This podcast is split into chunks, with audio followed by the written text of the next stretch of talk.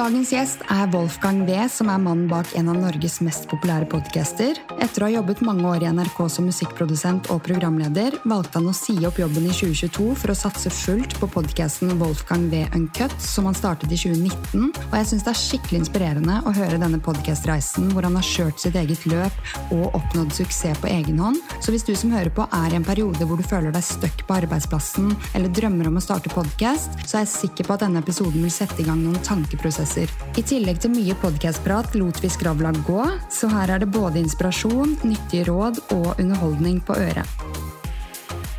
Nå har vi poppa en øl hver. Oi, Jeg er så heldig å få være i ditt studio. Det er fredag.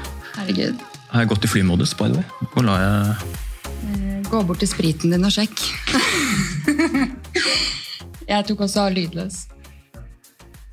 Åh. Nei, men det, Du er jo en av mine største inspirasjoner innenfor podkast, og det at du faktisk lever av det. Ah, og, si det. Jo, men du er, det er du for mange. Jeg Ja. har jo snakka med både mange jenter og gutter på din alder og min egen alder. Eh, og alle hører jo på deg. Eller jeg har inntrykk av at veldig mange hører på deg av min krets. akkurat? Så det at jeg liksom får eh, tid med deg i dag, det er jo skikkelig Jeg er skikkelig stolt. Du, jeg og Pilegrim glutenfri pale ale. Skal si, du har vært slått ordentlig på stortromma i dag. Du har bare kjøpt sånn, sånn poløl, eller? Er alt poløl? Jeg vet ikke. Jeg hadde tenkt å gå innom eh, polet på Fornebusenteret, men så var jeg sånn Nei, det er sikkert noe spess i den hylla. Det var lunka. Var lunka? Ja, på polet er jo lunka, eller det er jo kanskje det her også, på butikken. Jeg har latt den stå i kjøleskapet et døgn, da. Du kjøpte det i går, ja. Rutinert. Ja, Men så tenkte jeg sånn, nå tar jeg noe litt spesielt uh, for å imponere litt. Nei da. Men uh, det, det eneste som falt i smak, var den minste ølen som heter Pilegrim. Du, Jeg er jo åpen for alt, jeg. Ja. Jeg er bare sånn lys ølfyr, så, men uh, altså, jeg er ikke kresen. Nei. Jeg, er- er overhodet ikke kressen. Jeg er veldig enkel når det kommer Ja. til drikke. Og de spør alt på kaffebrenneriet hvilken dagens kaffe vil du ha. Så det spiller ingen rolle. Bare Å, ja. må velge din favoritt, sier jeg. Ah, men der er jeg kravstor. Jeg må enten bare ha cocktails, altså drinker, eller crappies, da ingefærøl. Ok, Så du er såpass spesifikk, ja. Ja. Jeg, jeg kan si bare til bartenderen altså, kjør en random drink. Jeg, jeg, jeg kan ta hva som helst, bare liksom for en overraskelse. Å ja. Nei, men sånn øl, det klarer jeg ikke. Jeg klarer ikke å Drikker øl nå, da? Jo, men det er ingefærøl, så jeg har fått høre at det er latøl. Mm. er det det? Men så, for to sånne treningsfriker som oss, er jo dette her veldig synding, da. Ja, jeg var jo på Sats tidligere i dag og tok meg en løpetur ute først. Så Snikskryt. ja, det, Men hvor var du? Trener du på Sats? Nei, jeg var ikke oppe halv fem. Jeg har trent på sats, eh, dessverre. Det, nei, jeg trener på sats. Jeg trener eh, med kroppsvekt. Jeg slutta med treningsstudio i 20... Herregud, da? 2021. Jeg slutta i NRK, egentlig. Ah, Så da hadde jeg treningsstudio til NRK og badstuen der.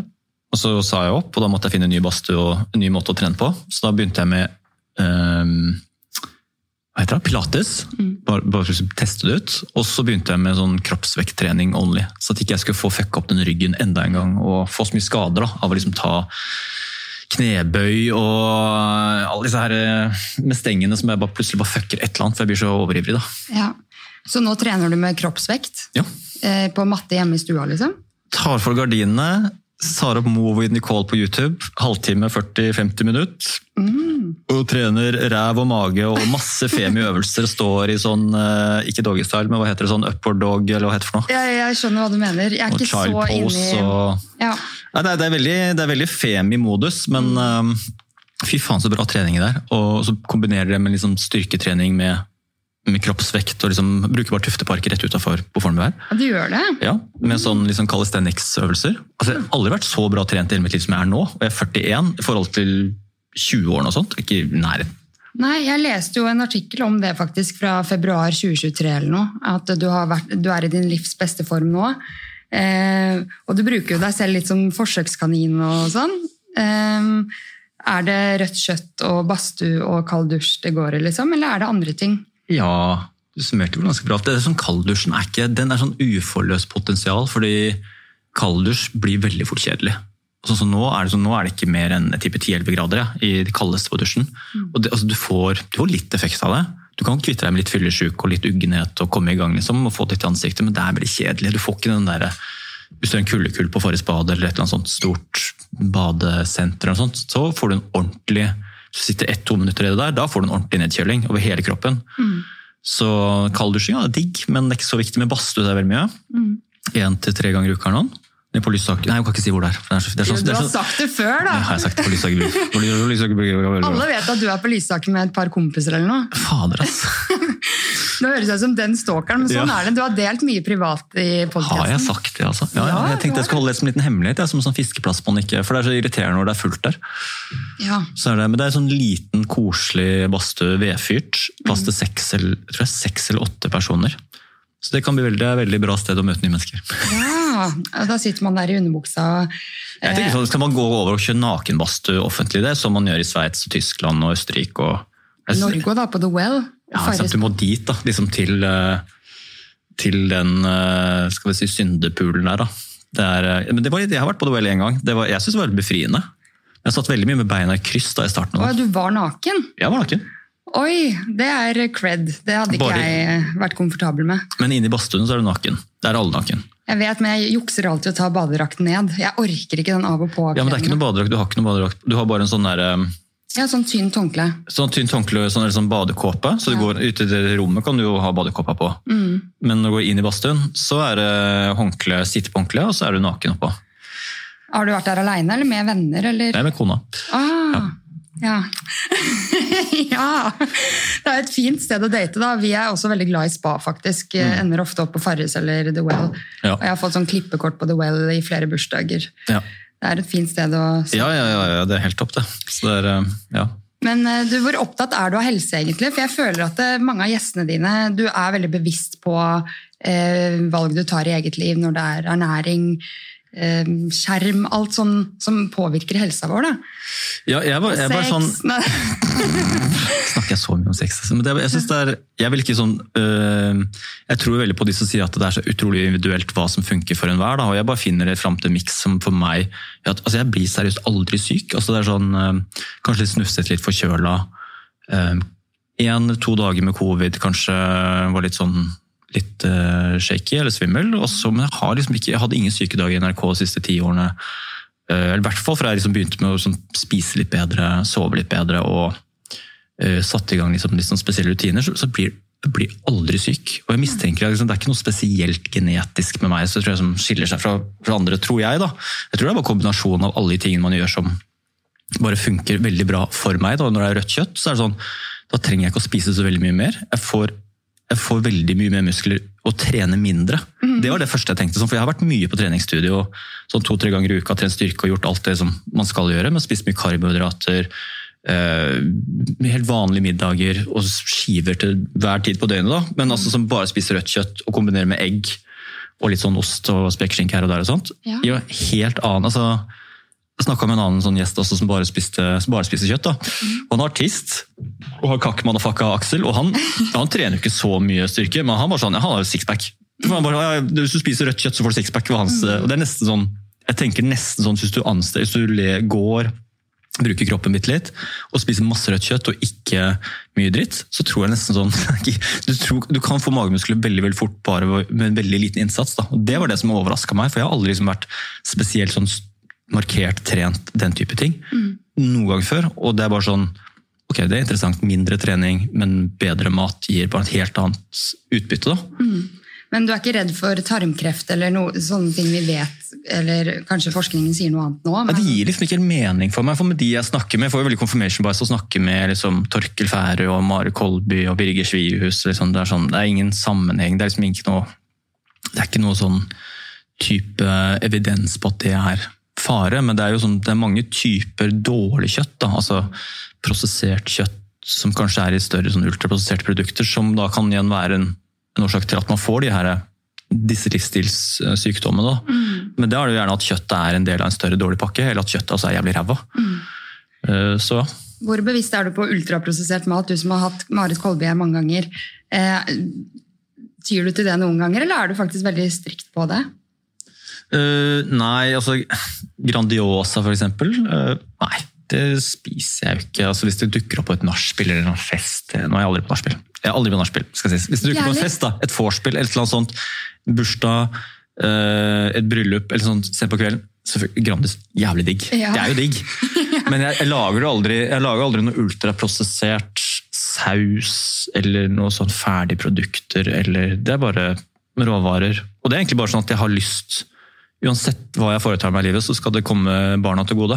Mm. Når jeg jobber mye, så skal det være sånn, ok, da blir det bedre økonomi, og så går det dem til gode. Mer fri. Mm. Hvis jeg spiser den, den, og den maten, så er det kjipt, det er ikke det beste de vet, men de får utbytte av det. Ja, ja. whatsoever, så er det sånn Ja, det er liksom den så, Jo sunnere liksom, du kan gjøre frokosten øh, og middagen, liksom, gjør liksom ikke så mye hva man gjør på fredag og lørdag. Nei. Så lenge ikke bare døtter i ungene. liksom. Smågodt må man holde seg unna. Smågodt er fiffig. Jeg vet det, samme her, men jeg er veldig overrasket over at alle rundt meg, og i barnebursdagene vi er i, så er det naturlig at eh, det er godteri, fiske godteripose med kaker, med boller, med ja, ja. pølse i hvitt brød. Um, Konformt. Og mine barn har ikke smakt godteri i vårt hjem enda. Mm -hmm. uh, og det tenker jeg å holde dem langt unna til det virkelig ikke går lenger i barneskolen. Ja. Uh, og jeg har hørt deg si at barna dine vet ikke hvor godterihylla på Meny er engang. Omtrent, de bare ser på det. Også. De visste ikke, aldri smakt brus til de var seks-sju, og da bare stakk det sånn i nesa at de var ikke interessert. Nei, og det er samme her. Vi har aldri hatt noe problem med skriking og hyling ved godteridisken, kanskje ved isdisken, men mm. uh, der, du lager jo hjemmelaget is òg, du. Ja, iallfall på sommeren. For sånn, jeg, vil ikke, jeg, vil heller ha, ha, dem i det. Og da er det egentlig, hva er det som er usunt i den isen? Det er de 200 gram sukkerfarinen. Mm. Men det er jo så jævlig mye annen drit i den butikkisen som bare som jo nesten ikke smelter. Det er også helt interessant. Superinteressant. Sånn, butikkis er bare så utrolig konsistent. Og, og, det er bare pulver i. Det er jo ikke den eneste råvaren i den. Jeg tenker sånn, ok, men Da er det bedre med litt hjemmelaget is. Så laget et prosjekt, og syns jeg det er gøy å sysle med. og så ja, så det, det, er ikke bare for å liksom, føle seg bedre. Liksom, det, er, liksom, det er et eller annet De er veldig lite syke òg. Vi har hatt veldig nest, altså nesten ikke noe sykdom merket med barn eller voksne i mange mange år. Det er litt sånn lite spying, ikke noe diaré. Kan ha vært superheldig, men det er, jeg tror det er en sammenheng i det greiene. Altså, ungene spiser Cheerios og drit og masse smågodt og får liksom løpe på Fornum BS og kjøpe seg frozen yoghurt hver eneste dag. Så det er sånn, ja. lager et helvete nedi de her småkroppene. Ja, jeg vet det. Jeg kjenner meg ikke helt igjen dette med sykdom, for vi har vært eh, ekstremt mye syke nå i snart fire år. Men, eh, det er barnehagetiden, da. Det er jo det. Dine barn går ikke i barnehagen lenger. Nei, men barnehagen, da rant du inn masse. Ja. Det var også litt før jeg gjorde sånne endringer selv òg, men det kom jo masse nytt inn med barnehagen. For det er så utrolig mye snørr og fingre og bakterier og sånn. Så det er litt sånn, bli eksponert for en ny flora. Det tror jeg bare er sånn en herdingsprosess. da. Ja. Så det tror jeg ikke er noe gærent i seg selv, men ikke noe sånn sengeliggende i flere dager, liksom. Det har ikke vært borte på lenge. da. Nei. Du, du, bor jo her ute på Fornebu, og jeg føler at det er flere podcastere som bor her ute. faktisk. Ja, ja, ja. Eh, hva er det som fikk deg til Fornebu? Jeg vet at du har vokst opp på Høvik og sånn, men Det er veldig det er livets tilfeldigheter. da. Ja. Bare så etter ny bolig, og så bare er det type en annonse et eller annet sted. Sykler ut hit, eller hva vi gjorde. så var det bare sånn, Da var det veldig lite her ute. Mm. Det var jo ikke noe Fornebu S eller Fornebuporten. eller Det var det veldig helt, Det var bare til Nord Arena som sto alene på den plassen der. Mm. Hvilket år snakker vi da? 20... 2013. Ja. 2012. Og jeg kikka på det, så okay, ja, det høres bra ut. Det er sånn en buss inn til byen, litt roligere. Eh, mer plass, kort vei til alt. Ja, ok, vi prøver det. Mm. Og så litt, litt, mer for pengene du får inn i Oslo sentrum, og litt mindre hassle og styr. Så det er ikke noe mer, eh, og så blir man bare værende her ute. Får venner her, og så flytter man litt rundt og hopper mellom Flipper boliger. Ja, Så du har faktisk flytta flere steder her ute? Ikke bodd i samme leilighet siden 2013? En, to leiligheter. Ja. ja. To leiligheter ja. Mm. Jeg elsker Fornebu. Altså, jeg Kommer du til å bo her for alltid, tror du? Nja, det tror jeg jo ikke. Det er ikke, så, det er ikke, så, viktig for meg å bo akkurat sånn, det, det, Jeg liker at det er sjø og den turstien og det naturområdet, og sånt, men det er ikke noe viktig for meg. Jeg er ikke gift med Fornebu. Nei.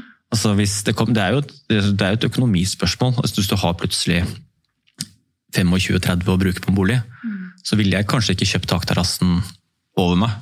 Eh, hva enn de koster. Jeg tror de ligger sikkert på sånn 20 oppover. Og liksom, det er jo akkurat samme leiligheten, jeg har bare sånn lenger opp med utsikt. Og, mm. Jeg vet ikke liksom, jeg ville, om jeg ville ha kjøpt et hus eller noe mindre, eller flytta lenger vekk fra byen, eller ned lenger ved Oslofjorden. Jeg vet ikke. Mm. Det er bare sånn hva livet byr på seinere. Det veit du ikke. Ja, nei, Man skal ikke være så skråsikker. Altså, Ting skjer, og livet er i utvikling hele tiden. Mm. Så, men du nevnte det er fine turmuligheter, og det var jo på tur jeg møtte deg for første gang. ja, stemmer det. Før sommeren, og da stoppet jeg deg opp. Du var på vei til studio her, tror jeg. Du skulle spille inn med Asle Toje. Mm. Eh, og jeg var sånn Faen, der er Wolfgang. Jeg må stoppe han og bare si at jeg er fan av poden hans. Så ble vi stående og prate nesten ti minutter, tror jeg. Ja. Eh, og det var skikkelig hyggelig, for jeg, var jo veldig, eller jeg følte jeg kunne være åpen med deg med en gang. Jeg er jo en åpen person. Mm. Og du var veldig åpen tilbake også, for jeg var på et ganske dårlig sted da jeg stoppet deg. Mm. Eh, og som jeg sa til deg før innspilling, at det, samme dag fikk jeg jo beskjed om at jeg hadde moderat depresjon da, på legekontoret. Um, men jeg visste jo at jeg hadde lyst på deg som gjest, og tenkte sånn, ok, nå får han et ansikt med meg, og så får han si ja eller nei ut fra hva han vil da. Mm. du får jo sikkert mange forespørsler hele tiden, så jeg bare lurer liksom, hva er det som er med på å avgjøre hva du sier ja og nei til? Får ikke så mye. Gjør du ikke det? Får ikke så mye. Det er liksom kanskje et portrettintervjuavis innimellom. Ikke veldig lite podcaster spør. Altså, det, Det jeg, er sagt, veldig rart. jeg har sagt ja til flere enn jeg har sagt nei til, egentlig. Så jeg har prøvd å si ja til de aller fleste sånn, i hvert fall nye, nye små podcaster. For jeg husker liksom hvor vanskelig å få tak i gjester selv når jeg starta. Sånn, ok, Hvis jeg blir størrelse en gang, så noen spør, så skal jeg da må jeg være på tilbudssida.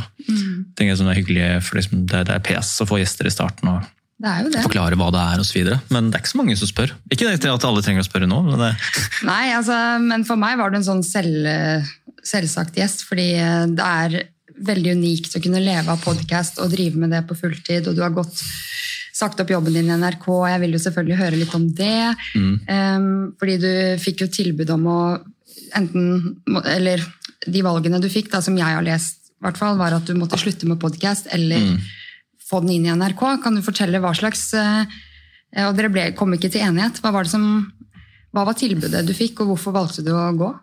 nei, det var um, jeg, jeg tror det er litt sånn at hvis du vil ha noe her i livet, så jobber du i hvert fall Da viser du at du vil ha det. Sånn som hvis, hvis NRK hadde syntes den podkasten var essensiell å få inn i NRK, så er man villig til å strekke seg langt. Men det var, liksom, det var et tilbud på bordet. Sånn i NRK-verden, et kjempegodt tilbud. Øh, Sånn utafor NRK, ikke så godt tilbud. Med visse sånn type rammer, sånn at du sier fra deg en del ting. Eh, hvis podkasten flopper NRK, hva skjer da? Ender opp på Arkivet eller i NRK Super og sitter der og flytter rundt papirer, eller en eller annen sånn administrasjonskjip jobb et eller annet sted? Det vet man ikke. Nei. Og det er det som der mister kontrollen over tingen sin. Og at det ikke er så mange som du ser bare sånn, ok, det er veldig komfortabelt. Men det er jo snakka mange ganger i podkasten at det er sånn, jeg falt i den klassiske 30-års mannsfellen og blir stuck i livet og på arbeidsplassen for det var digg. Jeg, trøst, jeg hadde ikke noe høy lønn i NRK, hadde kanskje 600 og et eller annet. Uh, er en bra lønn, altså for all del. Altså, ikke, sånn typ, uh, hvis man, man sammenligner seg ofte med folk som er på samme sted, venner, andre i mediebransjen, så er jo 600 kroner sånn helt, helt på snittet. Og da var det sånn, nei, men jeg, jo, jeg jobber jo ikke mange timer, jeg jobber ikke hardt. Jeg har ikke så mange timer jobb hver dag, og det er sånn god timelønn. Og så sitter jeg og venter her på muligheter. Se hva som dukker opp, kan skrive litt, lage musikk, og så begynner det å gå ett år, to år, tre år, så bare sånn, faen er det så, sånn, så blir du veldig stuck. Du sier nei til muligheter som dukker opp du ikke har lyst til å gjøre. For eksempel sånn reising, foredrag, øhm, typer du bare holder deg til ditt, og så ender du bare opp og blir stuck, for du tar bare mindre og mindre risiko. For det er så deilig å bare være i familiebobla, være med familien, med barna, se film fredag, lørdag, søndag.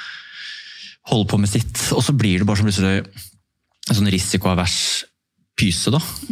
Som bare blir stuck i livet. Og det er så mange menn som ender opp med å bli sånn der, får sånn, og det er, det er bare sånn mye av det midtlivskrisa. Enten om du liksom, om det trenger ikke være brudd heller, det kan jo bare være sånn hva faen er det egentlig jeg har brukt de siste 50 årene på av livet på nå? For liksom da, hva, hva har jeg egentlig utrettet, og hvor, hvor skal jeg hen? For liksom da, Det vanligste tidspunktet å starte en bedrift er jo 43 år, er snittet. da. Det er det. Gründervirksomhet. De som får det til, er rundt 43. Kanskje vi trenger det litt stabile i 30-årene, men så skjer det noe hos de fleste. Jeg tror alle havner der at de tar en revurdering, men veldig mange ønsker å ha det trygt og godt rundt seg, med faste rammer og sånn. Men du, ble, når var vendepunktet for din del? Hvilke Nei, problemet er at du, ender opp å ta risiko for seint. Du ender opp med å ta risiko når du egentlig kanskje har krasja. Enten med deg selv, eller at du blir skilt, eller at et eller annet dritt, at du mister jobben. Og da sitter du der bare sånn, du har ikke tatt noe risiko, du har, du har ikke bygga opp noe annet enn masse år i en bedrift som egentlig, nesten uansett hvor du er ansatt i Norge, i verden, så trenger jo ikke den bedriften deg. Du er, er erstattelig altså alle, Nesten alle er erstattelige, og du blir erstatta liksom på et par dager og uker. Mm. Og det er sånn, det, men du er mye mer avhengig av jobben og har mye mer kjærlighet til jobben og arbeidsgiveren og kollegaene dine enn jobben har til deg. Og det er sånn, og det du ikke tar den risikoen på 30-tallet og så i 30-årene, og så ender det opp med liksom at det skjer en krise, så har du ingenting å spille videre på.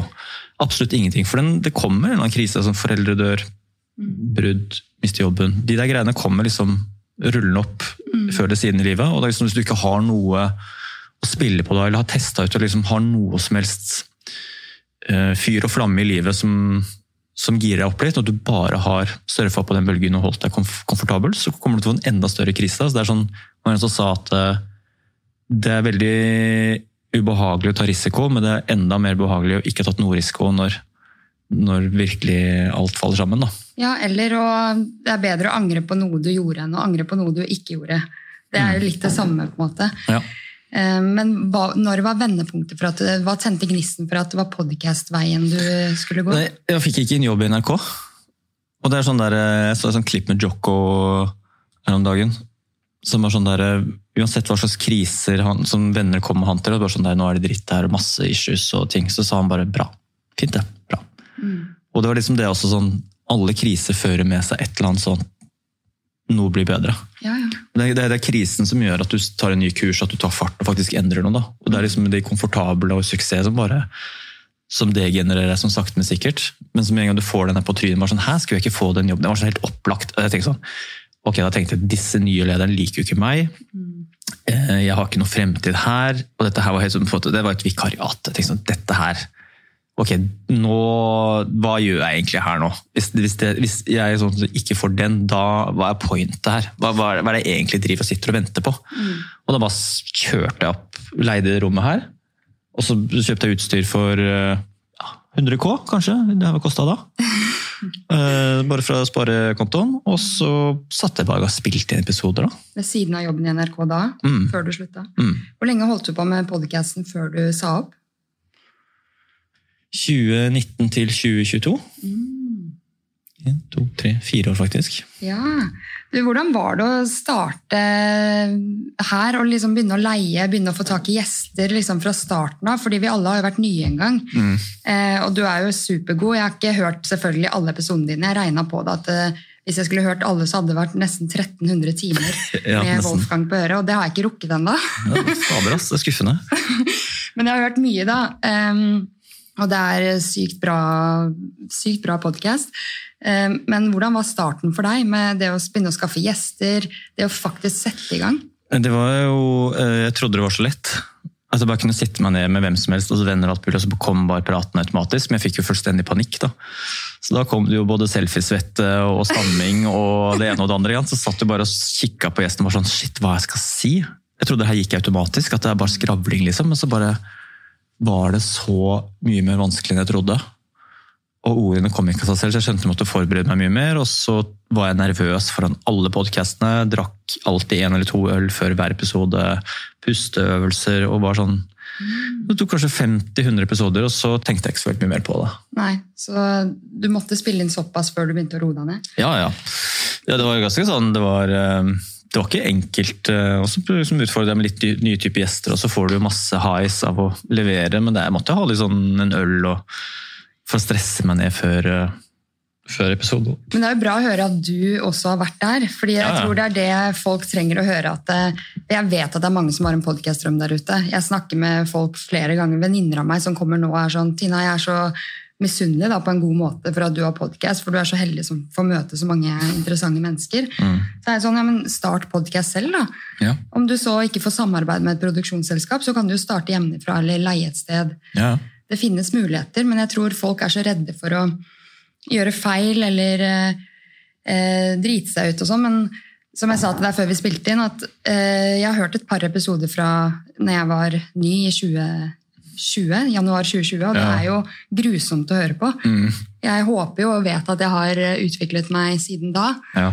Men hvilke Når du ser tilbake, sånn, du har sikkert ikke hørt på gamle episoder, men hva er det du syns du liksom feila på i starten? Jeg synes, men det er, jo, det er jo ingenting som er feil. Nei, Fordi det er jo De, ting, de tingene som var feil, uh, var jo egentlig alltid lærepenger. De første sånn, ti episodene så begynte jeg å sminke, sminka episode og tok vekk der jeg hadde nervøs latter eller nølte eller sa eller helt meningsløst eller satt og rota eller bare sa et eller annet pinlig, da. Ja. Syns jeg. Og så tok jeg meg bare sånn, ok, jeg, kan, jeg har ikke tid til å sitte og redigere alle episodene så mye. Og så må jeg, jeg må bare, hvis det gjør vondt å kjøre en tjukk elg, eller uh, ha nervøs latter fordi du er redd for gjestene, eller noe sånt, eller at du glemmer hva du skal si, eller at du sier noe helt feil, så må du bare ta Du må kjenne på skammen, og så må du bare sånn Dette skal jeg ikke gjøre igjen. Da, da blir du bedre. Hvis Ja. du hele tiden sminker deg selv bort og bare gjemmer deg i det. Sånn der, uh, du kan gjemme deg selv og sminke ting bort en viss periode, men det er bedre bare å kjenne på den skammen og liksom Ok, faen, dette, her var, jo, dette var litt vondt. Jeg har ikke lyst til å oppleve dette her igjen.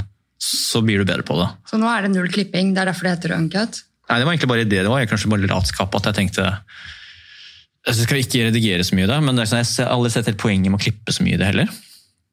Hva en øl til, da? Ja, ja, hvilken øl vil du ha? Hva har vi, da? Alt annet enn IPA? Ja, men var dette... Mørkt. Dette er ginger, Men dette er jo din, da. Ja, gingerøl er jo alltid Gi meg en tacopilsner, da. Jeg dør av Jeg sier at jeg har skaffet skaffet øl til oss, og så ser du ølen og bare Jeg ser at du blir skikkelig skuffa. Nei, jeg bare, jeg bare, så bare Just det var interessant utvalg øl. Tenkte sånn sånn ølkjenner, eller Ja, så du sparer den ikke til fredagstacoen i kveld? Nei, Du skulle jo på middag Jeg skal ha middag ut på byen, ja. Ut på byen, ja. ja. Da blir det ikke taco i dag. Det blir ikke noe taco på meg. Hvordan var den, da? Tacoen Nei, fredagspilsen. smakte helt vanlig øl. Med en veldig fancy boks. Ja. Mexican lager, lager faktisk. Det tviler jeg på. Men eh, ja. Men du, Var det alternativ for deg å spørre et produksjonsselskap om samarbeid, eller var du bare sånn nå kjøre Nei, nei, nei, jeg helt det- alene? Nei, det bare tenker tenke sånn, uh, Man må sette opp et par prinsipper for seg selv. og det, For meg var det jeg skulle ikke være avhengig av noen andre. Så Jeg skulle ikke ha en tekniker. Jeg skulle ikke skulle spille alt selv, så jeg kan ikke sitte og vente på en fyr som skal hjelpe meg med ditt eller datt. Så jeg måtte lære meg videoredigeringa igjen, musikk, nei, lydproduksjon, og hvordan liksom laste opp ting. Eh, alt sånn da, så jeg ikke var avhengig av noen andre til å få spilt inn så mange episoder så ofte jeg ville. da. Og da får du mye høyere tempo på det, og så blir det mer sånn, du får mer kontroll på det. Og så får du mer å gjøre, selvfølgelig. Men, øh, øh, men så var det sånn type, det er et eller annet å, å eie det selv også. For det er, når man jobber mye med musikk og, og kjenner produksjonsselskaper, og hva er det de liksom tilfører? Jo, de kan hjelpe deg med sosiale medier, klipping, litt sånn booking. Men så er det sånn, du- de tar også en cut. De kan ta eierskap i podkasten. De eier den. Og jeg bare sånn, "Æh, Det er mye diggere å liksom bare ha den selv. Og så, er penger, så tenkte jeg ikke penger de første tre årene. Det er noe sånn, det det er ikke noe penger i det før du bikker 10 000, kanskje. Fem, ja, 80, Per episode? 8-10 000 unike, kanskje. Da kan du begynne å få litt annonsører og sånt. Ja, Det var kanskje. først i år jeg fikk annonsør på podkasten. Ja. Eh, Hvor mye får du inn da? Eh, det sier jeg ikke. Nei. det er ikke i nærheten av det du tjener. Så det, jeg kan bare si at eh, det er selvfølgelig fint å få litt igjen for det arbeidet man legger inn i podkast, men eh, jeg kan mime til deg. 100 000, ja. Okay. ja. Nei, det er, eh, Men det er digg, det er per eh, annonsør, da. Um, For men- mye femstjerners på Tina nede i eh, Maibeia. Ja, nei, men det er, jeg synes Første det er veldig fint å få tilbake litt for arbeidet man legger i det, men Ja. jeg startet aldri for Ser veldig dyr ut, den genseren din. Det var, um, Ja, den er fra Other Stories. Det er Ja. fra lønninga fra moderne media. det er på- Nei, men Det er jo derfor jeg må jobbe ved siden av som helsesykepleier på ungdomsskole. fordi jeg tjener jo ikke nok til å bare drive med podkast. Men Nei. Noen ganger så drømmer jeg meg bort i den hverdagen du har. da. Um, hvis det er lov å si. At man styrer faktisk hele uka si selv. og Mm.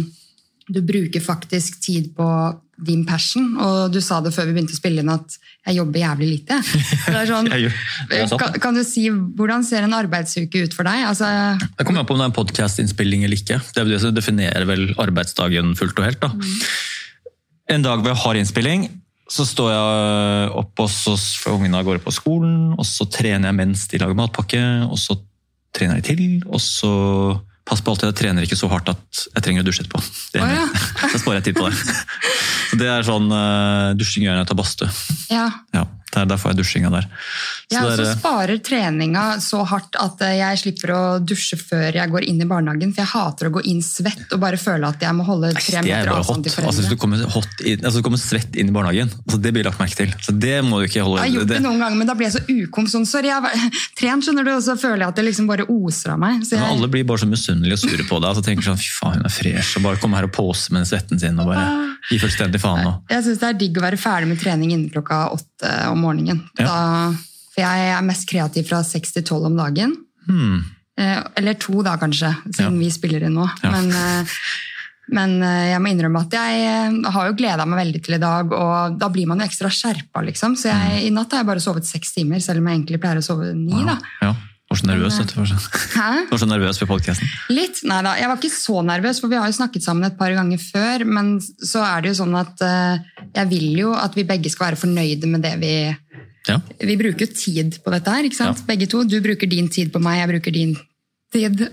Altså, jeg er sånn der, jeg, jeg, jeg har jo ikke noe sånn um noe mål eller, altså Jeg vil jo bare at du skal bli happy med dette her. Ja. Altså, for meg er det ikke sånn, Jeg har ikke noe utbytte eller sånne, noen sånne ting jeg skal få plugga. eller et eller annet sånt. Så jeg synes det er hyggelig å prate med deg. Fornebuer, og håper at du vil bli fornøyd med episoden. Det er det viktigste for meg. da. Ja, ja, men det er så mange temaer å ta av, ikke sant? Så, men vi må fortsette litt på dette med podcast, da. Fordi du sa jo det at eh, det er deilig å være uavhengig, og det kan jeg tenke meg Jeg gikk jo ikke gjennom det, så det hvis, hvis jeg pleier å ha episoder rundt sånn 11-12, da, så gjør jeg research mellom 9 og 10-11. Samme dag? sett. Ja, stort sett. Hvis det ikke er for komplisert. da.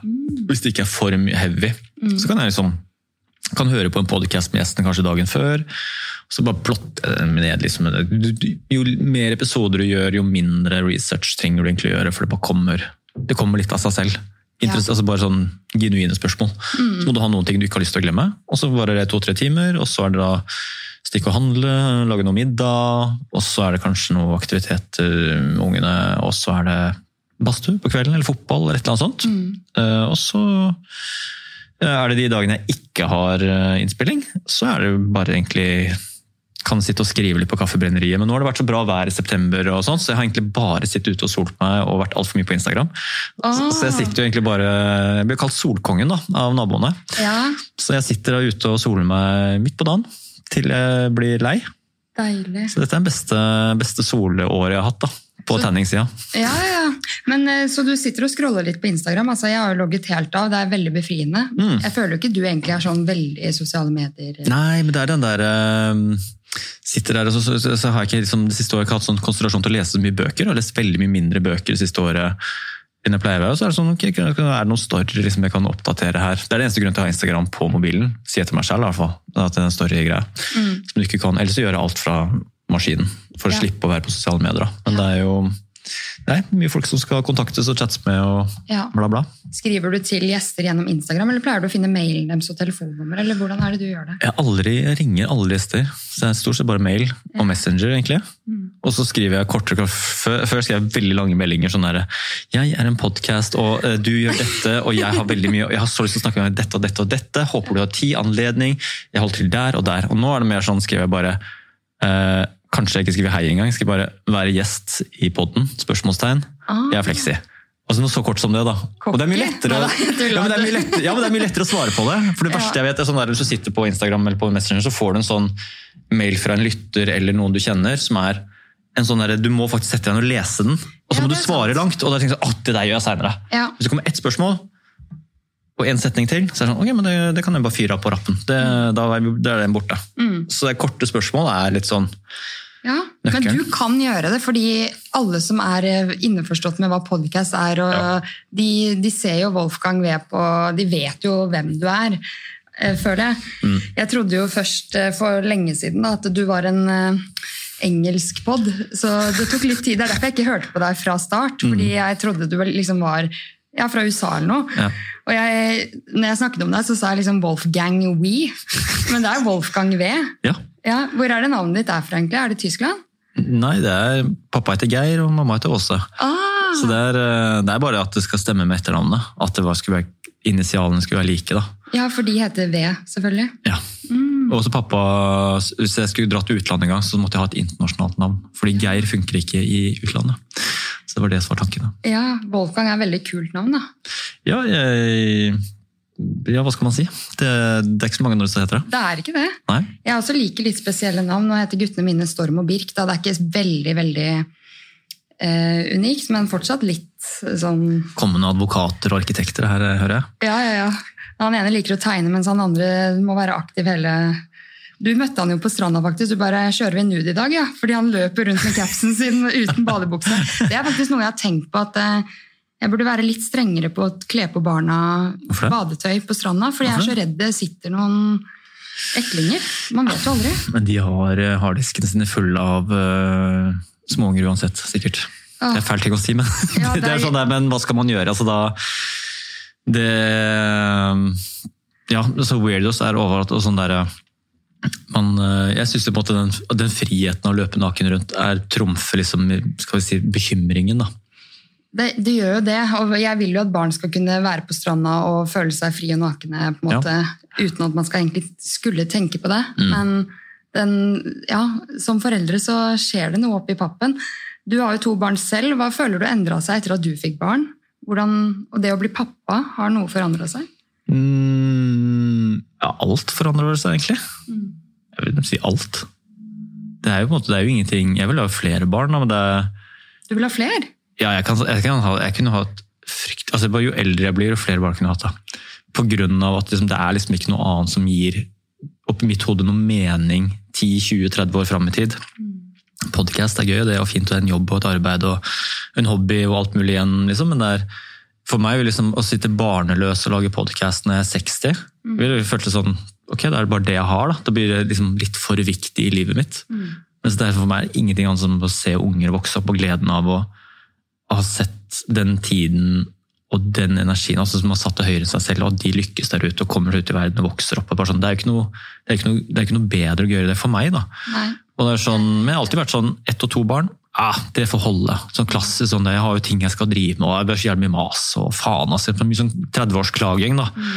på småbarnstilværelsen. Og så blir du eldre, og så bare sånn, det er ikke det at man glemmer hvor mye jobb det er. Det er mer den uh, Jeg har sånn, sånn fin eh, sånn metafor hvor eh, liksom du er 60, midt i 60-årene, og så er det jul eller påske eller noe. Så kommer alle fire barna hjem med liksom partnere og kanskje noen unger på tillegg. og Det er sånn helsikes kaos, og folk kjefter litt. Det er ikke plass til all bagasjen, det er snubling og det er kaos eh, Ja. liksom, før middag. Men det er liksom sånn energi Mm. i den flokken som du får liksom, med så mange mennesker som du ikke får kanskje med ett eller to barn. da, Som blir en mye mer sånn samlende greie. Mm. Det, Jeg, den tanken liker jeg. helt på den. Altså, Du vil ha flere? Hæ? Vil du ha flere? Øl? Nei, å ja. Barn? Ja, men du holder jo ølen opp, så jeg blir jo helt forvirra. Neida. Ja, jeg Ikke enda, fordi jeg kjenner at det er veldig deilig nå å kunne være litt friere og ikke ha Du er så ung, du glemmer jo at liksom du er 29. 29. Herregud. Men jeg blir 30 i februar, da, så jeg Ja, men du kan jo få fem unger til. Ja, jeg kan jo det, så jeg stresser ikke. Det eneste er at samboeren min er ti år eldre, men dere er jo rundt på samme alder, så det er ikke sånn Han er døende, han nå. Hæ? Han er døende. Han er snart 40, han er jo snart ferdig. Uh, nei, men dere, dere kan jo få barn lenge, så det er ikke noe stress. Det kan vi òg, men, det er sånn, men uh, det er så sjukt på hvor uh, Bare gå fra 30 til 40-årene. bare sånn, Det er sykt hvor mye bedre livet kan være som 40-ring. Jeg bare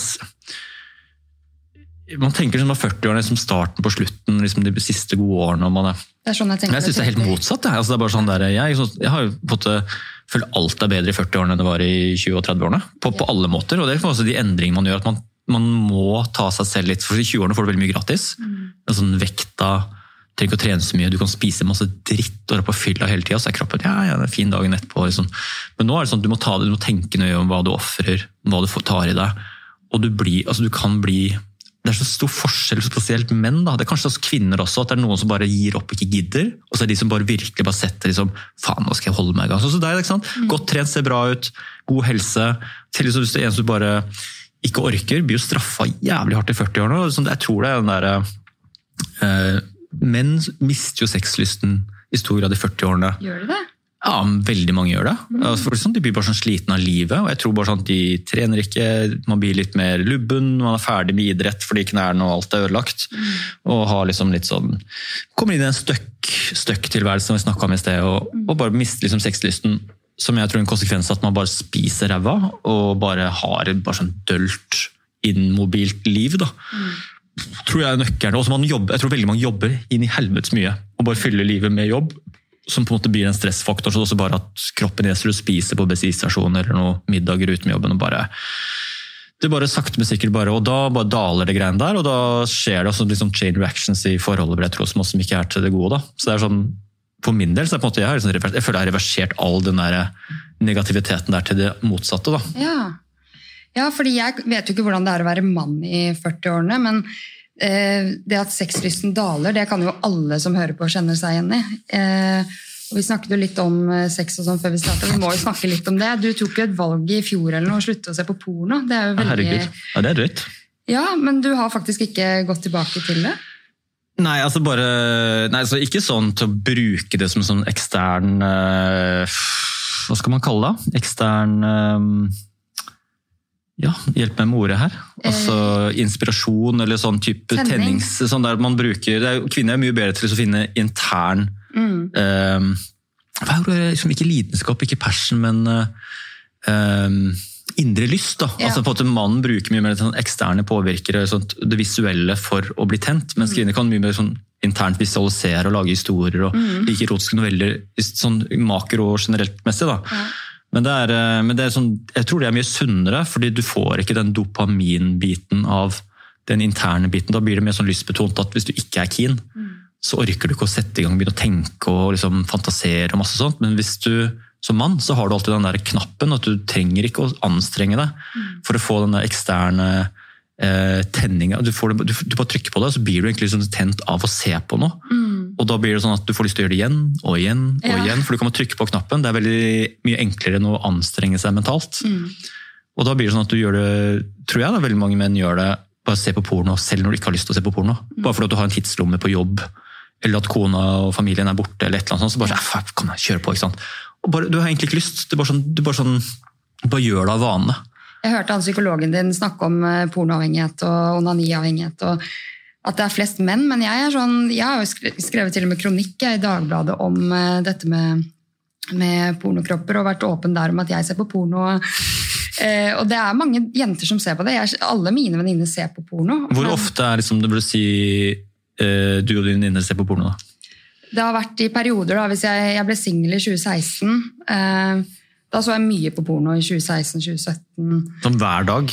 Eh, ja. Ja, Ja, da er det- Da er du- inne da er du inne det dopaminhjulet, da. Ja, men jeg tror jeg hadde noen lengsler fra det forholdet jeg var i. ikke sant? Jeg måtte Ja. ta igjen masse. Okay. Og så møter jeg han som jeg er sammen med i dag. Og så har vi eh, på en måte det veldig, veldig Vi var eh, Ja, eh, hva heter det? Eh, Dere var rause med hverandre. vi var rause. Eh, nei, og så skjer det jo noe etter man får barn, og det har vi vært åpne om selv i en podkast-episode. At eh, eh, ting skjer etter man får barn, og så tror jeg at ting kan ordnes opp i til en viss grad. Men eh, jeg vet eh, at vi alle er seksuelle vesener fra vi blir født til vi dør. Så vi har vi, De som sier at de er aseksuelle eller ikke kjenner på lyst, da tror jeg bare det er noe som har blitt lagt lokk på. Da. Jeg tror egentlig vi har en Den seksuelle kraften i oss er så sterk at det er helt sinnssykt. Mm. Og den forsvinner ikke. Nei, nei. Jeg har jobbet på akuttpsykiatri, jeg har jobbet med eldreomsorg. Nå jobber jeg med tenåringer. Og på alle områdene der så er seksualiteten fortsatt med de, enten de er 87 eller eh, ha selvmordstanker eller ja.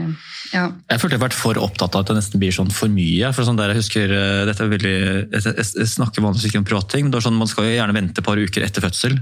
Ja. Men det er sånn, nei, vet du, fuck den der eh, guidelines Uker, der. hvilket- det, det er seks uker! Er det seks uker? Ja. Okay. Det var, det var altfor lenge. Så det er sånn der, men det, Man kan gjøre det før. Det er bare Ja. det, Mer enn det sier jeg ikke. Ok, jeg kan dele da. Vi hadde tre uker etter fødsel, men da kjente jeg at det var fortsatt litt vondt. Men Ja. Ehm, for min del i hvert fall, så var det noe med at jeg ville fortsatt kjenne på at vi var et par, og at ikke det forsvant. fordi hva er et forhold uten sex? på en måte? Det er jo det Ja. som er limet. Hvis ikke så er man jo bare venner, og det har man Men det er, det, det, det er sånn der, eh, Du er åpenbart en veldig seksuell person. Eh, Jeg er også litt samme, men jeg vet jo veldig mange som ikke er det. Eh, Både menn og kvinner som ikke tenker på så mye, som ikke er interessert i å snakke om det. Som ikke er så interessert i å kanskje bare gjøre det kanskje en gang i måneden, eller annenhver måned. Til og med kanskje en gang i halvåret, som bare har ikke den driven og den interessen. Og jeg tror det er fort gjort liksom for både den ene parten og andre part på hver sin side å si at det er noe gærent med deg borte som har altfor lite sex. Så sier de men du har jo faen meg sex hver dag. Det er, det er i hvert fall et problem. Så det er sånn der, ok, men jeg tror bare noen mennesker ikke bare Det kan være livsfase, det kan være at ikke ting er på stell osv. Men det kan også bare være at jeg tror veldig mange bare de som bare er ute i mannfolka er ute i naturen i sånn 700 dager.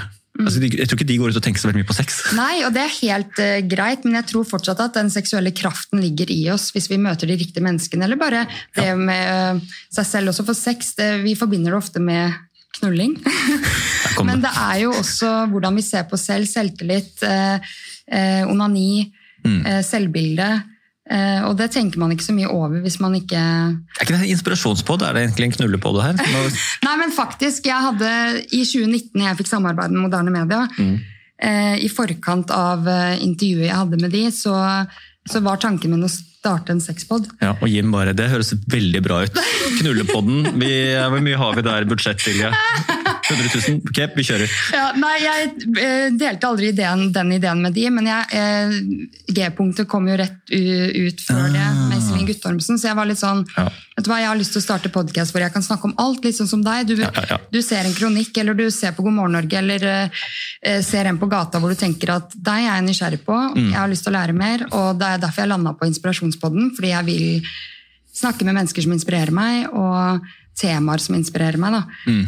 Um, og du har en litt sånn selvutviklingspodcast, har du sagt. Ja, det er mest det er for din egen del. Ja, det er jo det. Det var jo utgangspunktet, og det er jo det fortsatt, at gjestene må appellere til meg intellektuelt, eller som at de er morsomme, eller interesserer meg. da. Mm. Altså gidder jeg ikke, så liksom- hva er pointet? Har det skjedd at du ikke har delt episode før? Nei, aldri. Så du har delt alle? Alt er ute selv. De er misfornøyd med, og gjesten er misfornøyd, holdt på å si også, men er, eh, ja, altså, du kan ikke vinne alle. Men det er bare sånn, du kommer bare over det. Du, det, det er også det tilbake til at når du feiler og gjør en dårlig episode, så ok, neste gang skal jeg bruke en gjest, skal jeg ikke bruke en sånn gjest. Jeg skal ikke bruke, bruke han, og ikke bruke henne. Mm. Da tar du den straffen liksom, det var en drittepisode, og du kjenner på det og bare publiserer den, ok, da har du lært, neste gang så skal du ikke gjøre den samme feilen en gang til. Men hva er det du ser liksom skyter i været av temaer? Det er ikke noe spesielt. Det er kanskje ernæring nå, da. Nå er ernæring liksom på topp, tror jeg. Men det kommer til å bli Jeg tror vi er på en ernæringsmetningspunkt nå. Alle er ernæringseksperter, og alle skal coache hverandre. og Det er faen meg så bare sånn blad og løv og ernæringsemojis overalt på Instagram, og alle har en sånn noen fine bilder ved en eng og skal forandre liksom Ja. verden med ernæring. da. Mm. Og det er bare sånn, det, og det er veldig mye sånn, skal vi si, mye sånn ernæringskjerringer på 50-60. altså Det er helt sinnssykt mye. Hei til dere, det er veldig, dere er fine mennesker alle sammen. Det er, bare, det, er bare, det er bare mye av det. Alle gjør det samme samtidig. Og så går man lei det, og så er det en annen ny greie som kommer om fem år som alle skal kapitalisere på. da. Det har liksom vært trening, og nå er det sånn ernæring, og så kommer vel noe annet snart. Mm. Har du hatt noen gjester som intervjuet deg, sånn at du på en måte er gjesten i din egen podkast? Nei, jeg tror ikke det. Jeg har ikke vært noen, men noen som har prøvd. Nei, det er ikke noe spennende, det. det er jo, gjesten Det er er, jo alltid mer er. interessant eh, enn meg. Altså, det er jo sånn, jeg har jo ikke så mye Jeg har jo ikke noe sånn fagkunnskap eller jeg har ikke noen vill livshistorie. eller noe sånt. Jeg bare babler og mener og mm, stiller etter spørsmål og graver veldig. da. Jeg får folk til å snakke. Det er jo liksom, litt sånn lekkerol. Ja, nå minte du meg om eh, de eh, nye åttendeklassingene på skolen jeg jobber, for de skulle starte året med å skrive en selvbiografi. Mhm. Og mange av de er sånn Jeg har ingenting å skrive om, for jeg har ikke opplevd noe kult. Jeg har aldri reist, jeg har aldri gjort noen ting, jeg har aldri gjort noe spennende. Så er det sånn Men alle har sin historie, Ja. og jeg er sikker på altså, Jeg vet at lytterne dine er mer interessert i deg, for jeg har hørt litt med de jeg kjenner sånn hva er det, når jeg skal spille med Wolfgang, hva er det dere er interessert i å vite om da? på en måte? Eh, og folk er nysgjerrig på deg, fordi Mm. Ja, ja. Du, du har jo delt private ting, men du har ikke delt sånn vi, Det er noe med det å kjenne podkastverten også. Mm. Og, Ja. Eh, så ja eh, Du skal selvfølgelig få være åpen med det du vil være åpen om, og holde tilbake på det du ikke Men har du opplevd noe i livet som du føler har vært eh, livsendrende? Det er, sånn, det er, er det sånn fast spalte? Nei, det faste spalten kommer på slutten. Um, nei, det er mange ting, men er, um, hvor skal man begynne? Ja, Altså, men det er sånn at Alle de tingene er veldig privat. Mm. Alt fra da jeg var 20 til til en oppdagelse jeg gjorde da som er sånn wow, det visste jeg jo ikke. Vil du dele? Nei, det, altså, det er sånn der, jeg ser ikke helt liksom, Det er ikke noe Det som på en måte skjer innenfor en familie eller privat med, med en selv, som på en måte sikkert mange kan dele opplevelser med. Det er sånn, det er sånn, jeg jeg syns det er et eller annet sånt fint hellig i den tiden vi lever i, å ikke gå så utrolig eh, privat. da.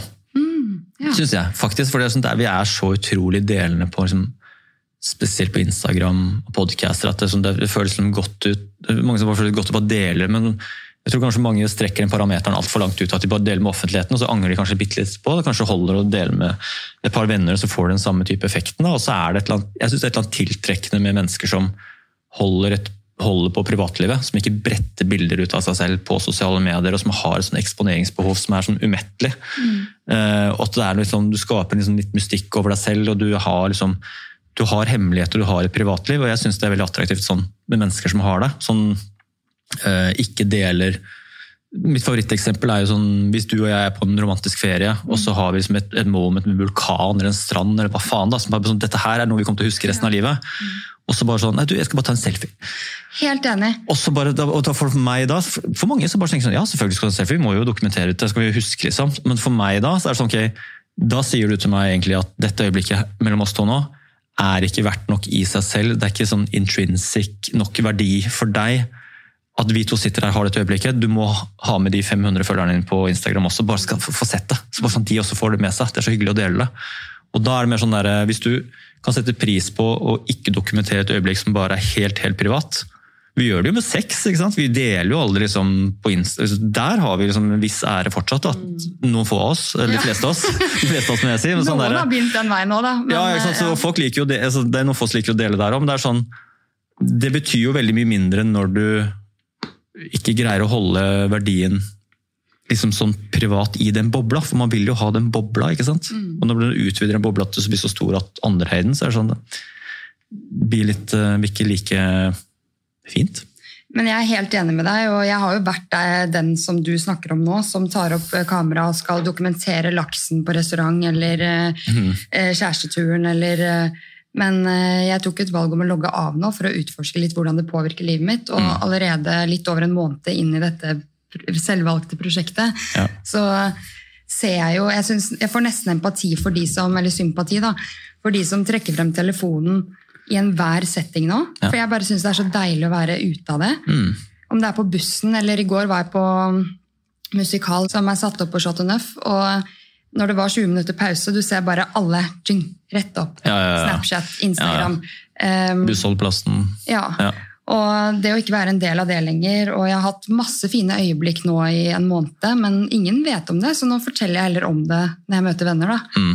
Eh, men du har jo vært sånn hele veien, fordi Jeg skal jeg ikke si den beste på det. altså... Men det er jo sånn, Mange bruker unnskyldning som jobber på mobilen osv. Der eh, holde seg oppdatert og bla, bla. Men nei, det er jo, det er jo Kutte ned skjermtid gir jo, på en måte, frigjør jo sinnet veldig da, mm. til å få gjort ting som du burde gjøre. Ja, for Vi møter jo på masse utfordringer eh, i løpet av livet, og når vi da skal ikke fylle de lommene med stimuli fra skjermen hele tiden, så tror jeg det er veldig bra for mm. den psykiske helsa. Da. Det er to deler av det. er den delingstrangen, at du hele tiden oppdaterer livet ditt. for du som det er, Jeg, bare, jeg vet meg en venninne som er i sånn et, et kjærlighetsløst, sexløst forhold. da. Mm. Eller et ekteskap, faktisk. Mm. Med barn. Hun tar bilder av maten sin hele tida. Ja. Og tar liksom bilder av liksom, badekar eller utsikt. eller sånn type, bare sånn der, Det er bare sånn hennes kvalitetstid liksom, i forhold som hun må liksom, få ut der. For det er åpenbart det er ikke nok å dele det med partneren sin. hvor liksom, Du får ikke den feedbacken. Det er ikke verdt nok. Og Det, liksom, den, det syns jeg selv er liksom, et litt det et tydelig tegn da, på at ikke, du, ikke, du er ikke på det stedet du skal være Nei. i forholdet ditt når du driver og deler rundt bilder og så, har så eksponeringsbehov. Da. Og bekreftelsesbehov. Liksom Å ja. få kommentarer på eh, at du er fin, eller ja. eh, alle de likesene. Det har egentlig ingenting å si. Mm. Og jeg har bare innsett at eh, jeg tror ikke jeg kommer til å logge på igjen om et år når Nei. dette prosjektet er ferdig. fordi det er som du sier, jeg tror det er eh, mye av den psykiske uhelsa man snakker mye om nå, mm. er pga.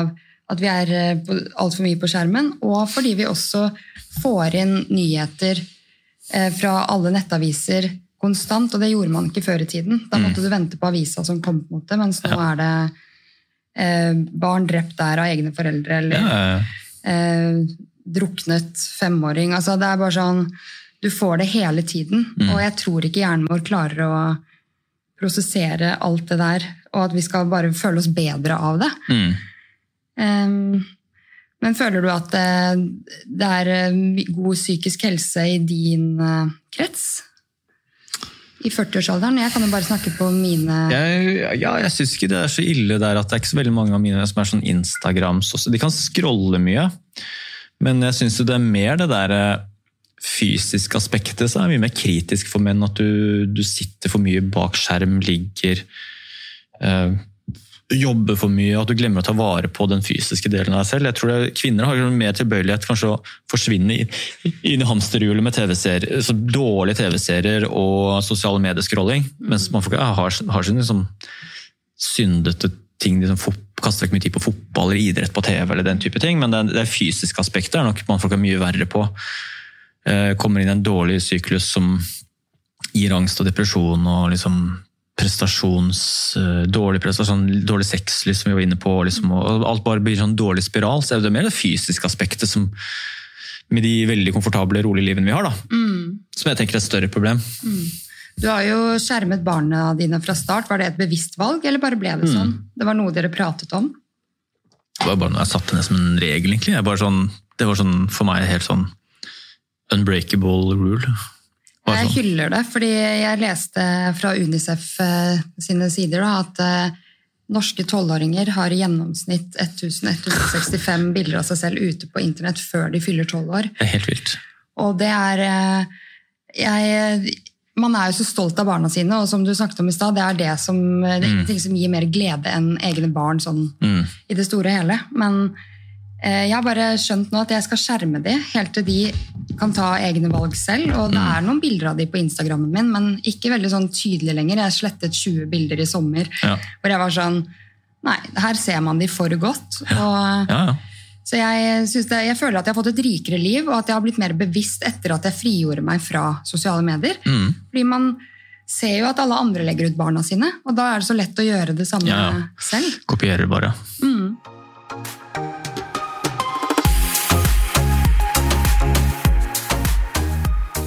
Bring on the juicy stuff, nei da. Ja, nå går vi fra sex til podcast igjen. Nei. Men jeg syns det mangler eh, et event når det kommer til podkastere der ute. Ja vel. Eh, er du enig i det? At det kunne vært et Jeg savner ingenting. Gjør du ikke det? Nei, jeg savner absolutt ingenting.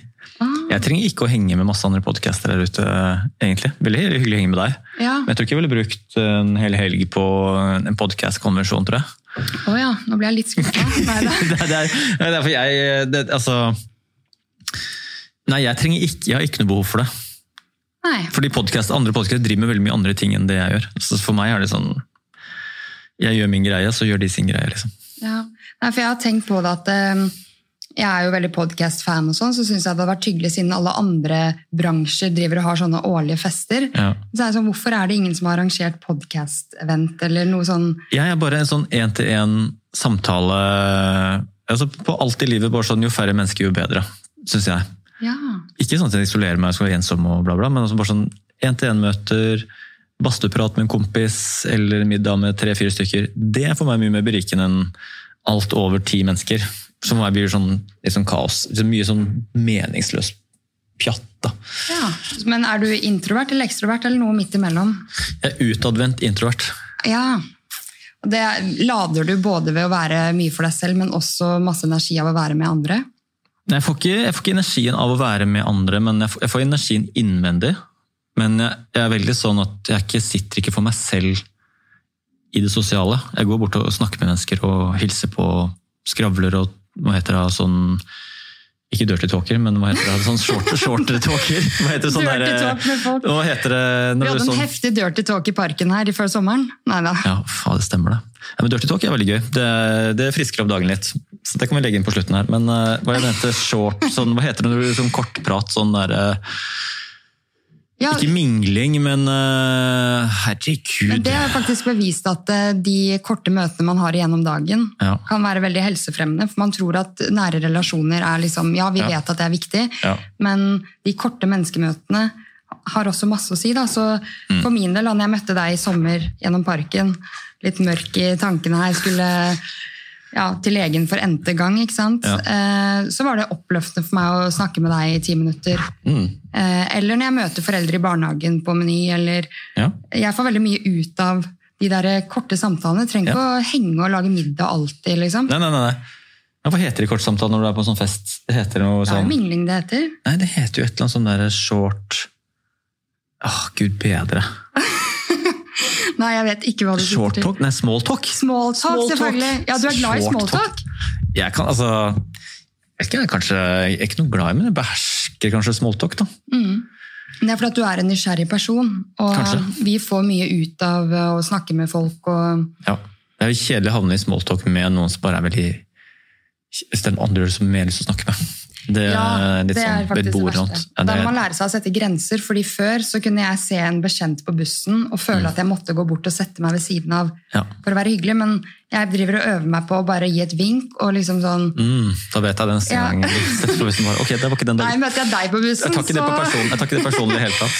Nei, men det er litt annerledes. Det, det syns jeg hadde vært weird å skulle møte deg på bussen nå, og så vært sånn Du skriver høylytt om sex på bussen. Det er ja, ja, er ikke men bra. Er du ikke? Det er et spennende tema. Altså, jeg, jeg Ja, jeg er selvfølgelig enig i det.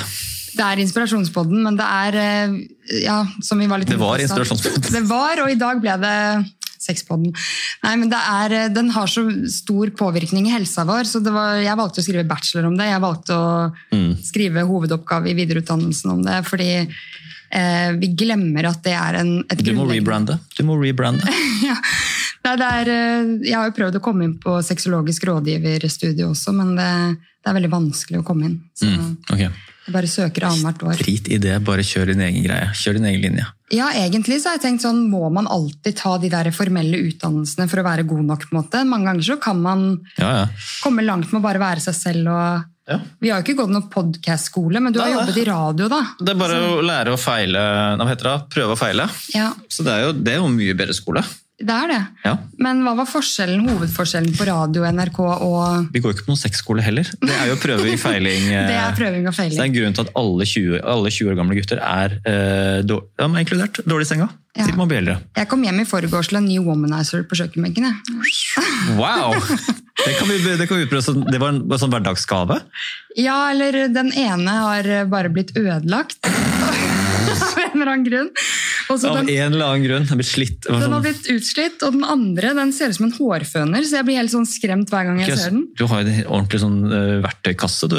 Ja, ja, altså men det er, det er Jeg syns for jenter, da, vi vet jo at det er bare 30% av jenter som eh, kommer vaginalt av sex. Så det er eh, de 70 Ah. Hva kommer det av, tror du? Er det, er det på en måte at de ligger med feil menn, eller at de bare er eh, usikre og anspent, eller kombinasjon? Jeg tror det er eh, bare person, personavhengig. Ja.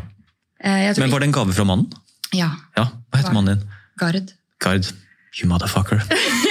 Ja, men det var en bra Han høres ut som en jævlig bra fyr. Ja, men vi var jo veldig lidenskapelige. og- Men ikke si menn, da må du si ja! Ja. Hvis faen er han det! Ja, han er det. Hvem kommer hjem til womanizer på benken, liksom? ja, nei, det, Jeg, jeg kjøper laks jeg, har et seil eller sånt, legger den på benken tenker det her er bra. Det, Men poenget mitt er at eh, sex, eh, eller den seksuelle helsen er liksom så viktig i livene våre, så jeg føler mange undertrykker den. ja. Eh, at vi ikke får levd ut vårt, eh, eh, ja, våre lyster. Da. Men samtidig så bør jo en partner være nok, eller hva tenker du? Jeg tenker det. Jeg tenker absolutt det. Jeg er en én-til-én supermonogam type. Uh, Så det, jeg er sånn der åpen forhold for meg. Altså, jeg ville blitt for eh, blanding av sjalu og nysgjerrig. Selv om på jeg er trygg på om man setter opp noen boundaries, eller en pakka der, så er det, et eller annet sånn det er noe, i hvert fall meg som mann, jeg tror veldig mange av dem kan kjenne seg at det er et sånn konkurranseaspekt der som er ganske Hvis du bare hvis man føler at man er og det tror jeg på en måte, jo, hvis man føler man er ganske rå, ganske høyt oppi der, så er det sånn Ok, dette er trygg det er ingen andre som kommer til å liksom, gjøre det bedre enn meg. Men det er ikke det det handler om heller. For plutselig så møter du på en som har mer sånn kjemi med, som du bare treffer veldig sånn Så du går og tenker på etter det og begynner å mase om mer. bare, er han Sigurd var jævla bra? da, bare så, hei, Kan vi snakke om Sigurd spiser laks her nå? Liksom, sånn, kan vi ikke bare snakke om noe annet? liksom, sånn der, fordi Det er den der, det kan bore seg litt fast uansett på en måte om du er høyt eller lavt. sånn Selvtillit sånn sex, seksuelt. Mm. Så tror jeg det, den der, det å bli danka ut, eller kanskje potensielt kan bli erstatta, at noen andre får lov til å prøve det som på en måte er din Eh, partner, mm. er litt sånn for menn mye mer eh, for, Det er jo litt sånn evolusjonært også at vi vil jo vite at vi er far til avkommet. Mm. Og slipper ikke til noen andre mm. i det forholdet. Sånn, menn har flere kvinner, mens vi vil ikke at kvinner skal ha flere menn. Og Der sånn, ligger det en sånn innebygd greie også at vi jeg tror ikke vi er så veldig komfortable med det. Um, men noen er jo på en måte mer åpne på det. Altså, jeg har jo hatt gjester her som etter, etter podkasten har sagt sånn Nei, jeg jeg svinger, jeg. Åpent forhold og skilt. Og hun nye dama hun er helt rå. Hun vil bare kjøre på med de greiene der. bare sånn, ok, det her må jeg høre mer om. Ja, det er kjempeinteressant. Ehm, det er jo ikke det at jeg er polo, hva heter det, polygam. Ja. Hvis man vil ha flere partnere. Men jeg tror vi, har mange, vi kunne hatt det bedre hvis vi fikk mer utløp for våre seksuelle lyster og fantasier. og ikke nødvendigvis med andre, men jeg synes det er fascinerende at vi søker hjelp når vi har vondt i foten, men ikke når ja, ja, ja. parforholdet skranter eller eh, når seksuallivet er dårlig. Jeg sa jo til at jeg jeg har lagd en dokumentar om swingersmiljøet i Norge. Mm -hmm. Og det er jo, um, Der var det jo at monogami var uh, utgangspunktet og kjernen Eh, for jeg tenkte at det var sånn alle knuller alle. Bare drar sånn et par, og så bare sånn, ha det bra. Så, men alle i swingersmiljøet liksom, de gjorde det sammen. Det var liksom noe de avtalte og hadde sånn uh, vi, vi, Ingen skulle ha seg med noen andre med mindre liksom, det var uh, crossover-kjemi. At uh, du må like han, jeg må like henne, og vi må like de andre. Altså Alle må være liksom komfortable med det her. Da mm. skjer det. Mm. Så det var sånn 90% sosialt sa de, og 10% sex. Det var det som var liksom swingersmiljøet. Oh. Og det, Poenget at vi skulle gjøre det sammen, og så kommer de tilbake og så blir de trygge på hverandre, for da var det ikke noe behov for sjalusi, utroskap, fordi da fikk en eller begge utløp for det mens liksom den andre var til stede. Da, og at det var liksom, liksom et sånt kontrollbehov-ting på det. Mm. Så det var liksom interessant. Liksom, jeg trodde det var mye mer sånn der fullstendig lovløst Ice Wide Shut-opplegg. Ja, jeg har også trodd det, men hvordan er det du For det er et av dine høstprosjekter. Og, ja. hva går det ut på? Hvordan gjør du det? Nei, Med swingers-greiene? Ja, og det å uh, dykke ja, inn på, i miljøer og sånn. Nei, det var bare sånn, Da måtte vi gå via liksom, en sånn portal liksom, inn i miljøet og prøve å liksom, kjent med de som arrangerer disse festene her. og så liksom få tilliten deres, og så kommer vi inn der og tenker sånn shit, vi er fremmede med dette her nå. liksom vi vi passer ikke inn her. Bare var sånn, nei, Sett dere ned. og Da satt de som nakne og solte seg på det høyfjellshotellet og ga oss en øl. Og bare sånn, ja, jeg, og da går jeg rett i modus bare sammen. Fortell meg om det her. Og de bare legger ut. ikke sant, Redda forholdet der, vi er trygge på hverandre. I går så hadde vi den, og da kjørte hun på med han. Og jeg satt og så på koste meg og drakk øl. og de ble ferdig, Vi ble ferdig til ti minutter, men de holdt på i to timer. og så, nei, det var jo helt, så, så de bare helt ekstremt åpne på det, men veldig veldig hyggelige mennesker. da. Eh, så det var sånn der ehm, det var som å være på sånn leirskole hvor alle det var sånn klikker og venner. og Alt var sånn veldig gemyttlig stemning, og folk var veldig nakne. Og... Men Filma du, eller gikk du bare rundt og intervjuet? Vi, vi, vi, hadde ja, Det ble så komplikasjoner med filminga der. for at liksom, jeg skjønner at vi, vi, flyr ikke rundt med kamera der når de har liksom disse festene på kvelden. og sånt, ja. Eh, for da er det jo visse steder hvor det er lov å ha sex. Her skal du flørte, og her skal du liksom danse. Så er det kostymer, og så er det sånn pulerom det var liksom spesielt å gå litt rundt der. da. Det, da ble jeg, kjente jeg ble ganske svett i pappen. da. Du fikk se på også? Ja, altså, det er jo, vi gikk jo bare rundt der, liksom. Og jeg ble jo ekstremt svett i pappen. Liksom. Jeg, jeg, har jo ikke sett på liksom, andre mennesker de får knulle, liksom. Det er sånn, det er sånn, og så bare er sånn intenst opptatt i settingen med hverandre, i trekanter og, to, og, og bytter og alt mulig sånt. Så det var liksom der, Da kjente jeg bare sånn Ok, dette her dette, Jeg følte det ubehagelig at jeg sto og kikka. Så, sånn, mm. jeg var liksom, jeg var liksom et fremmed element. Men ble du tent av det? Altså, når du hører knullerydder rundt deg hele tida, så blir det jo litt sånn der, sånn der Du blir jo litt sånn Oi, shit, altså, det her er jo Du er i en sånn atmosfære, så jeg skjønner jo at folk blir revet med. på en måte. Jeg er ikke sånn, ikke ett sekund tenkte at nå bare satt på filmfyren med du, nå tar jeg ti minutter, bare river av meg klærne og bare hopper inn her. Den følelsen hadde jeg ikke i det hele tatt. Det var mer sånn at du blir jo jeg har jo venner som har vært på sånn sexklubber rundt omkring i Europa og på liksom, med sånn classy swingersgreier og sånt. Mm. Og sånn, de sier jo bare at de bruker det som en slags uh, drivstoff i forholdet. At de går bare rundt og kikker på disse Ice White Shut-aktige festene, og så går de hjem og tar med den energien inn i senga. Da. Ja. Så det, og det funker veldig bra liksom, sånn fordi jeg har snakka med rundt det. Da. Så det er mer den der, Jeg tror man blir inspirert. Liksom bare, for det er, liksom, det er bare en, en boble av sex og flørting, på en måte. Sånn veldig sånn syndens pool. da. Ja, ja. Og det blir jo, jeg tror liksom det påvirker sinn til liksom at man kan få litt energi og litt mer eh, kåtskap tilbake i, i ting. Da. Det er jo litt sånn, det er en kleines over det òg. Det er en ja, okay. veldig kleines over hele greia med det kostymegreiene. Og jeg og, jeg og kamerafyren min, vi, kamerafyren min vi skulle jo være med på fest, vi skulle være med på festen etterpå. Vi tok ikke noe kamera, vi ville bare ha liksom erfaringa. Og da var det sånn, da kom vi jo sivilt, ja, og det var sånn lakk og lær-party første kvelden. og vi bare sånn, og vi bare sånn, ok, jeg går akkurat sånn som jeg går nå. Svart bukse og en uh, burgunderrød skjorte. ja.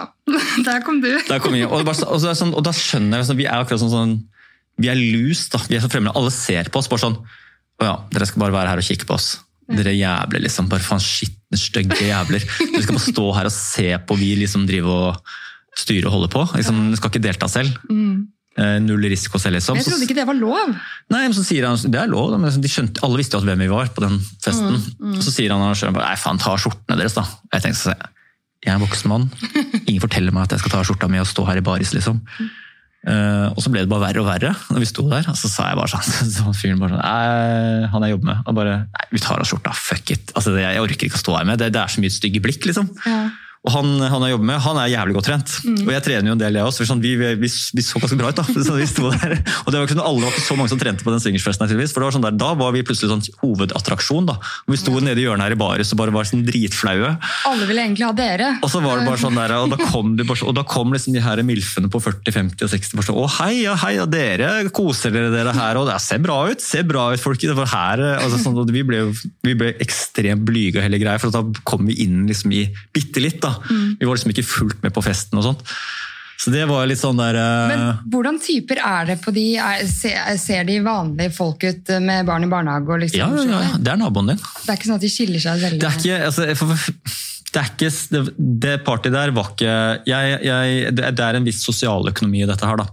En viss kapitalisme. Eh, Sånn, hvis du drar på et sted i London eller Paris hvor det koster eh, også, Jeg vet om et sted i Cannes som altså, det koster ca. 80 000-150 000 kroner i cover charge da, for å komme inn på festen. Ja. De festene der, da får du det liksom, kanskje gutter kaller for åttere, niere og tiere. Da. Altså de peneste supermodellene. altså sånn Horer, prostituerte, ekskorte, altså, alt sammen. Det liksom menn ser på som, som de, de flotteste, vakreste og alt mulig. Der er sånn, Mens på liksom, fester hvor det er mer sånn en hotellovernatting, det er lavere. Altså, det, det er noe med sånn sosioøkonomiske greier som gjør at det er kanskje mer på snittet, sånn med, hvis man skal bruke den her enkle poengskalaen. av Femmer, seksere, kanskje noen sjuere, noen firere. En sånn salig miks. Det sånn det sånn, det er, det er ikke plutselig en supermodell på dette høy, eller det slitne høyfjellshotellet her. ikke sant? Nei. Det kommer liksom ikke en, en kjendis inn der som på en måte Så det er litt sånn jeg tror på en måte liksom, Jo mer skittent og lavskala du gjør det, jo mer rart får du. men Jo mer organisert og mer sånn skal vi si planlagt, så, så, så et eller annet bare sånn men Det her med liksom skjønnhet og tiltrekkelse og kropp og alt med sånn, det er jo veldig individuelt. Men det var sånn, det er ikke det var ikke der eh, supermodellene hang, men det var veldig mye fine, flotte mennesker der. Altså, det var noen av de hyggeligste menneskene jeg har møtt noen gang, som var sånn mest imøtekommende menneskene. Som åpna opp og fortalte alt og bare var super, super hyggelige. Men det var ingen som prøvde, det var ingen som prøvde seg. Det var én fyr som var jævlig keen på å ligge med Han var åpenbart sånn skaphomo. Ja, i hvert fall han kameramann. Han var populær, altså. Han, var, han fikk jo øh, Nei, det var, det var ikke noe sånn Det var ingen sånn, det var ikke noe tafsing, ikke noe tilbud. Ikke noe, vi, var, vi var et fremmedelement der. Men uh, vi ble akseptert da, Ja. å være det. Hvilke andre miljøer er det du har tenkt å dypdykke i, i disse, dette nye Da blæste man litt ideene, kanskje, sånn at noen andre gjør det før oss. da. Så det er sånn, men det er bare alt, Vi har ikke filma noe ennå, men vi kommer nok til å gjøre noe på dating. Nei, dere kommer til å Ja, Vi kommer sikkert til å gjøre noe på liksom hva datingkultur Ja, for det har du hatt en del episoder om. Mm. Sånn type eh, Det er et kjempesvært felt òg, med alle appene. Eh, ghosting, eh, muligheter, vi velger på bilder. Vi slipper risiko. Det er tilbake til risiko du slipper. I gamle dager måtte vi liksom ut på byen. Jobbe, da måtte du ut og sjekke på utestedet, du måtte få et telefonnummer. Så fikk du alltid sju nummer eller seks nummer, et nummer som mangla litt var feil. Da, ikke sant? Og så, det var liksom det var, det var ikke Det var mye mer innsats og risiko og, og, mindre, og mer feil. Men nå er det mer sånn Nå er min opplevelse som, som, som kompiser som bare har egentlig De drar ut på byen, så har de noe på gang. Mm. De, har, de chatter med to stykker som de vet de skal møte på byen. Slapp og slapper av på byen, tar det helt rolig. og så bare så vet de skal møte noen og Hvis de møter noen andre i mellomtida, så er det også helt fint. Og så det, er sånn, det er så mye muligheter, mm. og at du vasser drukner i fitte og pikk, liksom. Ja. ja. og, så det, det er sånn der, det, og, og, da blir alle sånn der Da er jeg ferdig med det, da er det neste, ok, er det noe bedre der ute? Ja, det der, altså, Jeg, jeg har jo venninner nå som eh, ønsker å være på en måte der hvor jeg er med tanke på familie og barn, men så er det jo det at man må skaffe seg en partner før det blir mulig. Ja. Eh, eller eh, folk som gjør det slutt nå. Eh, også du er jo ti år eldre enn meg igjen, som kjenner sikkert folk som har gått fra hverandre. og mm. um, og det, det, å starte på nytt når man har barn fra før eller, Det er mange liksom, forskjellige grupper her som ja, ja. sikkert syns dette er skikkelig vanskelig. Så ja. det å lage noe innenfor dating tror jeg, ja, Det tror jeg er helt hot, hotspot, det nå. altså.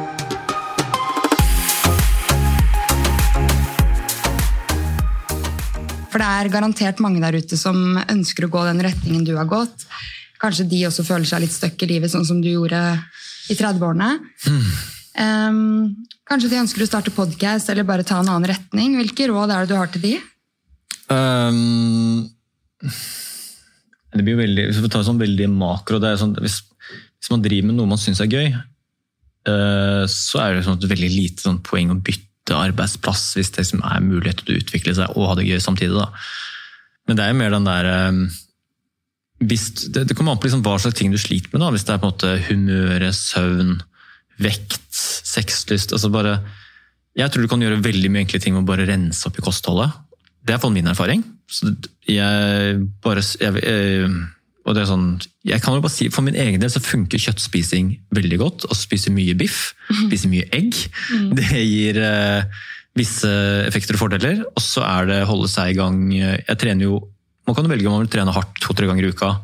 Jeg velger å trene litt lite hver dag. Sånn type en halv, 20 minutter, halvtime hver dag. Det er min mengde. Mhm. Og så tar et større volum. Og så er det jo uh, legge seg sånn halv elleve-elleve. Prøve å få sju-åtte timer. Eh, sove med munnteip. Prøv det. Ja, Hvor lenge har du gjort det? Et par år. Mm, og du mener oppriktig det har effekt? Det må jo måles, da. Men det er bare sånn, jeg, jeg liker at du ikke våkner opp, verken må på do, ikke blir tørst. Og jeg liker tanken at jeg puster gjennom nesa på natta istedenfor munnen. Jeg, kan, jeg, jeg, kunne sikkert sovet uten teip og fått samme effekt, men jeg bare synes det er bare et eller annet med at munnen er igjen, da, at du puster gjennom nesa. Så bare, Da vet jeg at jeg gjør det riktig. Mm. At det gir liksom den beste soveeffekten. Sove mye dypere. Og, mm. Og så er det kutt frokosten hvis du kan. Hvis du, men hvis du prøver å gå opp i vekt, bygge muskler, og sånn, så jo, må du spise mye. Eh, ofte, kanskje, altså dra på litt. Men eh, prøv å kutte frokosten og prøv å kontrollere sulten. Det er en fin ting eh, å eksperimentere med. Prøv å kanskje faste i 24 timer, bare se det, hva det gjør med hodet og kroppen osv. Um, badstue og kuldekulp gir helt sånn merkelige effekter på kroppen som du bare ikke kan forklare. Det er litt sånn som å gå det her, eh, det her sitatet med eh, altså Du kan ikke forklare følelsen av å gå en fjelltopp, du må liksom ha gått det. Mm. Gått den selv for å, for å, skjønne hva det går i. Du kan ikke forklare det. Det er jævlig fint å gå til den. Bare sånn, ok, men hva var det for Nei, du må, altså, du må bare kjenne det. Ja. Sånn er det med kuldekulp, sånn er det med badstue. At du bare kommer hjem og bare sånn Å, fy faen, jeg bare mm. føler meg så jævlig bra nå. Mm. Trøtt eller opplagt, gira, whatever. da. Mm. Og så er det masse andre ting òg. Kalddusj hvis du er fyllesyk, f.eks. Det er kjempefint. Mm. Så blir du litt kvikkere. Eller bare på morgenen. Kjør på med 30 sekunder, ett minutt. Det er sånne enkle ting. Men å holde liksom på det, ting man ikke bør gjøre, er jo som styre unna selvfølgelig sånn ferdig mat. Mm. Uh, det er ikke sånn, altså Du spiser nattmat eller et eller annet dritt én gang i uka, det noe å si. Men eh, når du spiser veldig cleant, så er det sånn, da kan du slutte med deodorant. Det synes jeg er det mest oppsiktsvekkende. At du trenger ikke deo. Det har, jeg har lenge hatt en teori om at kreft kan komme av alt det vi smører på kroppen og deodorant og sånn. Eh, men så er det jo frykten for å lukte svette, da. Men lukte lukter svette fordi eh, du putter i deg dritt. For når jeg da har putta meg masse dritt, sånn som jeg skal gjøre den helgen her, med masse sikkert dårlig mat og drikke og sånt, og så kommer fotballtrening på mandagen, da lukter helvete meg. Men når du kommer ut på en onsdag eller torsdag, ja. og jeg har liksom trent hardt, spilt fotball og bare spist cleant og ikke gjort noe sånn putta i meg noe dritt, så, så, så lukter ikke svette. Det er det som er så rart. Mm. Så når det lukter svette, er det altså sånn nervøsitetssvette. da. Hvis du blir stressa. Da kan det sånn, jeg, begynte, jeg, ble, jeg hadde jo en podkast hvor jeg hørte om sånn krigshistorier. hvor Jeg ble våt, jeg ble svett over hele kroppen og fikk tårer i øyekroken. og sånn. Mm. Da stinka det når jeg satt der. for Det, det er akkurat som sånne der hormoner kjertler som bare jobber, ja. som bare, så det lukta helt jævlig av meg der og da. og Så forsvinner det. da. Så Det er sånn, øh, det er mye sånn småting. Man, man kan egentlig slutte med utrolig mye Ja. som man bare gjør. Så er det små valg. Jeg tror folk tenker at man må ta så store valg i livet for å få det bedre. Ja. Men det er de små, små valgene. eh, Ja. Flere av de. Og prøv å kutte porno, prøv å kutte koffein. Drikker du ikke kaffe heller? Jo, jeg drikker kaffe, men jeg kutta koffein i typ 6-9 måneder. Og så introduserte jeg koffein igjen. Bare for å, for å få fordelen av det. For Det er liksom med porno med koffein, at du blir avhengig av det, at du craver det. Du vil ha det hele tiden, så drikker du en presskanne om dagen. Du har egentlig ikke lyst på kaffe, du har egentlig ikke lyst til å runke, men du bare gjør det likevel. Men hvis du kutter ut, så får du kjenne på liksom, ok, du savner det ikke. Hvis du går ni måneder uten koffein, så kommer du ikke til å savne morgenkaffen. Det er garantert. Men når du introduserer deg, så er det sånn at det er hyggelig når du er på besøk hos eh, familie. Mm. Som podkastgjest hvor du må gire deg litt opp, så tar du en kaffekopp, bare poff, så får du koffeinfordelen. Uten å bli avhengig. Og så er det sånn, ok, du trenger porno med en partner, eller at du bare er på Du har ikke gjort det på seks måneder, så bare kjør på, liksom. Bare prøv å slutte med, med å få ut avhengighetsaspektet av det. da. Gode råd. Når det kommer til podkast, fordi jeg vet at flere ønsker å gå den retningen. Jeg kan godt komme med mine råd, men jeg, jeg syns det er gøy å høre de som faktisk eh, Du lever jo av det. Det er jo hverdagen din. Men jeg tror ikke, altså det, er, det er et seigt materie. Det tar mange mange år. For meg, for meg tok det mange mange år. Hvis du er kjendis, så er det helt andre spilleregler, men for meg tok det kjempelang tid. Og det er bare sånn beste lærdommen ut av. At det bare sånn der, ikke, ikke, ta, ikke prøv å ta snarveiene. Jeg har prøvd alle sammen, ingen funka. Så er det bare liksom, ikke gi opp før det har gått to eller tre år. Det er ikke noe sånn, Og ikke tenk penger. Jeg tenkte ikke noe, ikke noe penger om det. er sånn det er ikke noe vits å tenke penger før det er stort. For det er, så, det er så lite det er snakk om. Altså, er sånn, ikke bruk tid på pengene, de kommer før eller siden hvis det blir bra. Så det er liksom ikke vits i å surre rundt masse småsummer og sponsor og bare så drit, drit i det. Er du klar for faste spørsmål? Kjør. Eh, hvordan starter du uken best mulig? Uh, pilates, trening. Faktisk. Hvordan snur du en dårlig dag om til en god dag? Eh, en dårlig dag Jeg har veldig sjelden dårlige dager, da. Ah, Digg, da. jeg, det er, eh, jeg prøver vel aldri å snu Da prøver jeg å tenke sånn eh, Hvis jeg har en dårlig dag, så er det sånn, da må jeg gå gjennom har jeg gjort alle tingene jeg pleier å gjøre. Nei, jeg har, jeg har veldig sjelden dårlige dager. Mm. Så du kunne ikke helt relatere til det? Nei, så jeg har ikke noe sånt, typ, hvis Man heller finner ut man har en dårlig dag, hva er det som gjør det til en dårlig dag? Da er det, Hvis du har dårlig humør, så er det sånn ok, men hvorfor, hvorfor dårlig humør? da? Er det noe gærent med jobben din, eller er det noe som irriterer deg i privatlivet? Er det noe du plager med deg selv? Ble du trigger av noen sa noe til deg? Mm. Ingenting som plager meg lenger at folk sier ting til meg. Nei. Det var det morsomste jeg har hørt nå. Eh, så jeg husker at liksom, Du blir litt tynnere i hyssingen blir eldre. så er det sånn at du blir litt stressa av det. Da, med sånn der, det morsomste jodelkommentaren jeg har fått eh, høre ligger her ute på meg, det er at jeg ser ut som en pedofil gymlærer på noen bilder. Og det er bare sånn, sånn fy faen, det er så morsomt, bare, sånn der, altså bare hvor folk som henter det fra. da. Ja. Og det er bare sånn, og så, og så det bare preller, ok, men det er jo Hva skal man gjøre med det, da? Sånn, det, sånn det er, og, men folk som sitter på jodel og driver og søker opp ting i seg selv, det er jo helt seg selv. Det er sånn, pinsomt, da. Da kom jeg på noe lættis, for i sommer vet du, Jeg hadde jo møtt deg da for et par måneder siden. eller noe. Ja. Og jeg er veldig åpen av meg med samboeren min, med familie, med egentlig alle. Ja. Og så sier jeg da at vi skulle prøve å få til en innspilling. Eh, og at jeg hadde møtt deg, og kjæresten til søstera mi bare Fett! Wolfgang, liksom. Syns det var veldig kult. Eh, så jeg bare ja, vi snakket om at vi kanskje skulle drikke vin en dag. Og, og han er egentlig veldig kjekk, ass, Wolfgang, for jeg hadde jo ikke sett deg i virkeligheten før. ikke sant? Og de bare Tina, prøv å snu situasjonen Og hvis det var Gard som hadde sagt sånn det Jeg møtte en eh, dame, eh, vi skal drikke vin sammen. Hun var egentlig ganske deilig. altså. Men de er så vant til at jeg snakker rett fra levra, så jeg bare så eh, altså Jeg begynte å se for meg sånn Det er faen meg sant. altså. Det, det hadde hørtes annerledes ut hvis det var ja, ja. en mann som sa det. Men ville du vært komfortabel hvis han hadde sagt det? Eh, ja, jeg er ganske trygg da, sånn på Vi er ganske trygge på hverandre, men jeg tror nok jeg ville reagert annerledes enn Altså, han er chill. Ja. Han, han vet at jeg er sånn som jeg er. Mm. Men det er vanskelig å si. Han, eh, jeg har spurt vil du ikke ha flere jentevenninner. Nei, det har han ikke behov for. Så ja, ja. Det er opp til han. Jeg har lyst på kompiser, så Siste spørsmål. Nei, det er to igjen. Hva er du takknemlig for? Bare se på skjermen at det ikke er noe kødd der. At det ikke kom til med feilmelding. Hvorfor fikk jeg sånn noia. Det står ingenting. Så bra. Full kontroll. Jeg jeg- pedo-gymlærer. Pedo, jævla pedo-gymlærer. Skal faen meg bli en sånn karakter en. Skal jeg bare skinne meg, få sånne hår på sida her. Få noen briller og skal lage sånn humorkarakter. Oh. Husker du Espen Eckbo? Han, eh, ja, du er kanskje litt for ung for det, men han, han, han, han, lot som han var en pedofil eh, fyr som bare eh, gikk og svømte i svømmehallen med videokamera. Han, han svømte rundt med videokamera og filma barn. Å, herregud! Nei, okay, neste spørsmål. ja, hva er du takknemlig for? Mm. um, at jeg har to, to verdens, verdens fineste barn. At jeg er frisk. Og har to armer, to ben og en kropp som fungerer, og en hjerne som og på en måte, Hvor skal man begynne, da? For eksempel, vi bor her.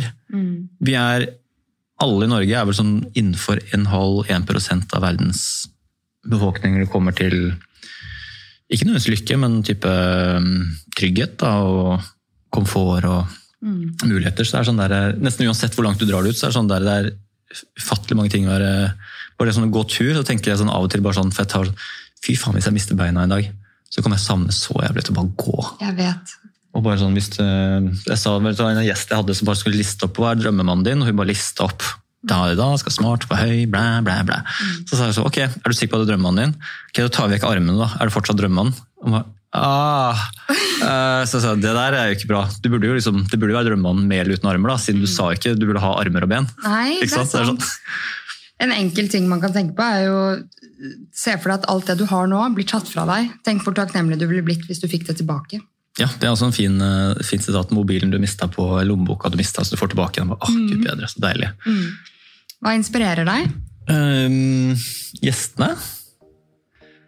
Og at, at jeg ikke har noen som helst mål med livet. Jeg har ingen mål om at jeg skal, skal noen steder. Og da blir det sånn der, ok, da er det bare en reise hvor, som fortsetter og fortsetter til kroppen sier nei, da.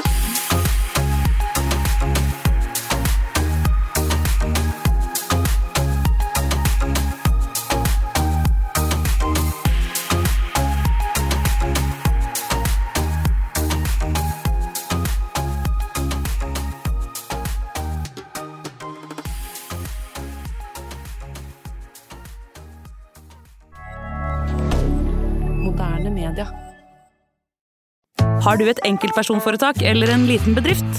Da er du sikkert lei av å høre meg snakke om hvor enkelt det er med kvitteringer og bilag i fiken, så vi eh, gir oss her, vi. Fordi vi liker enkelt. Fiken superenkelt regnskap.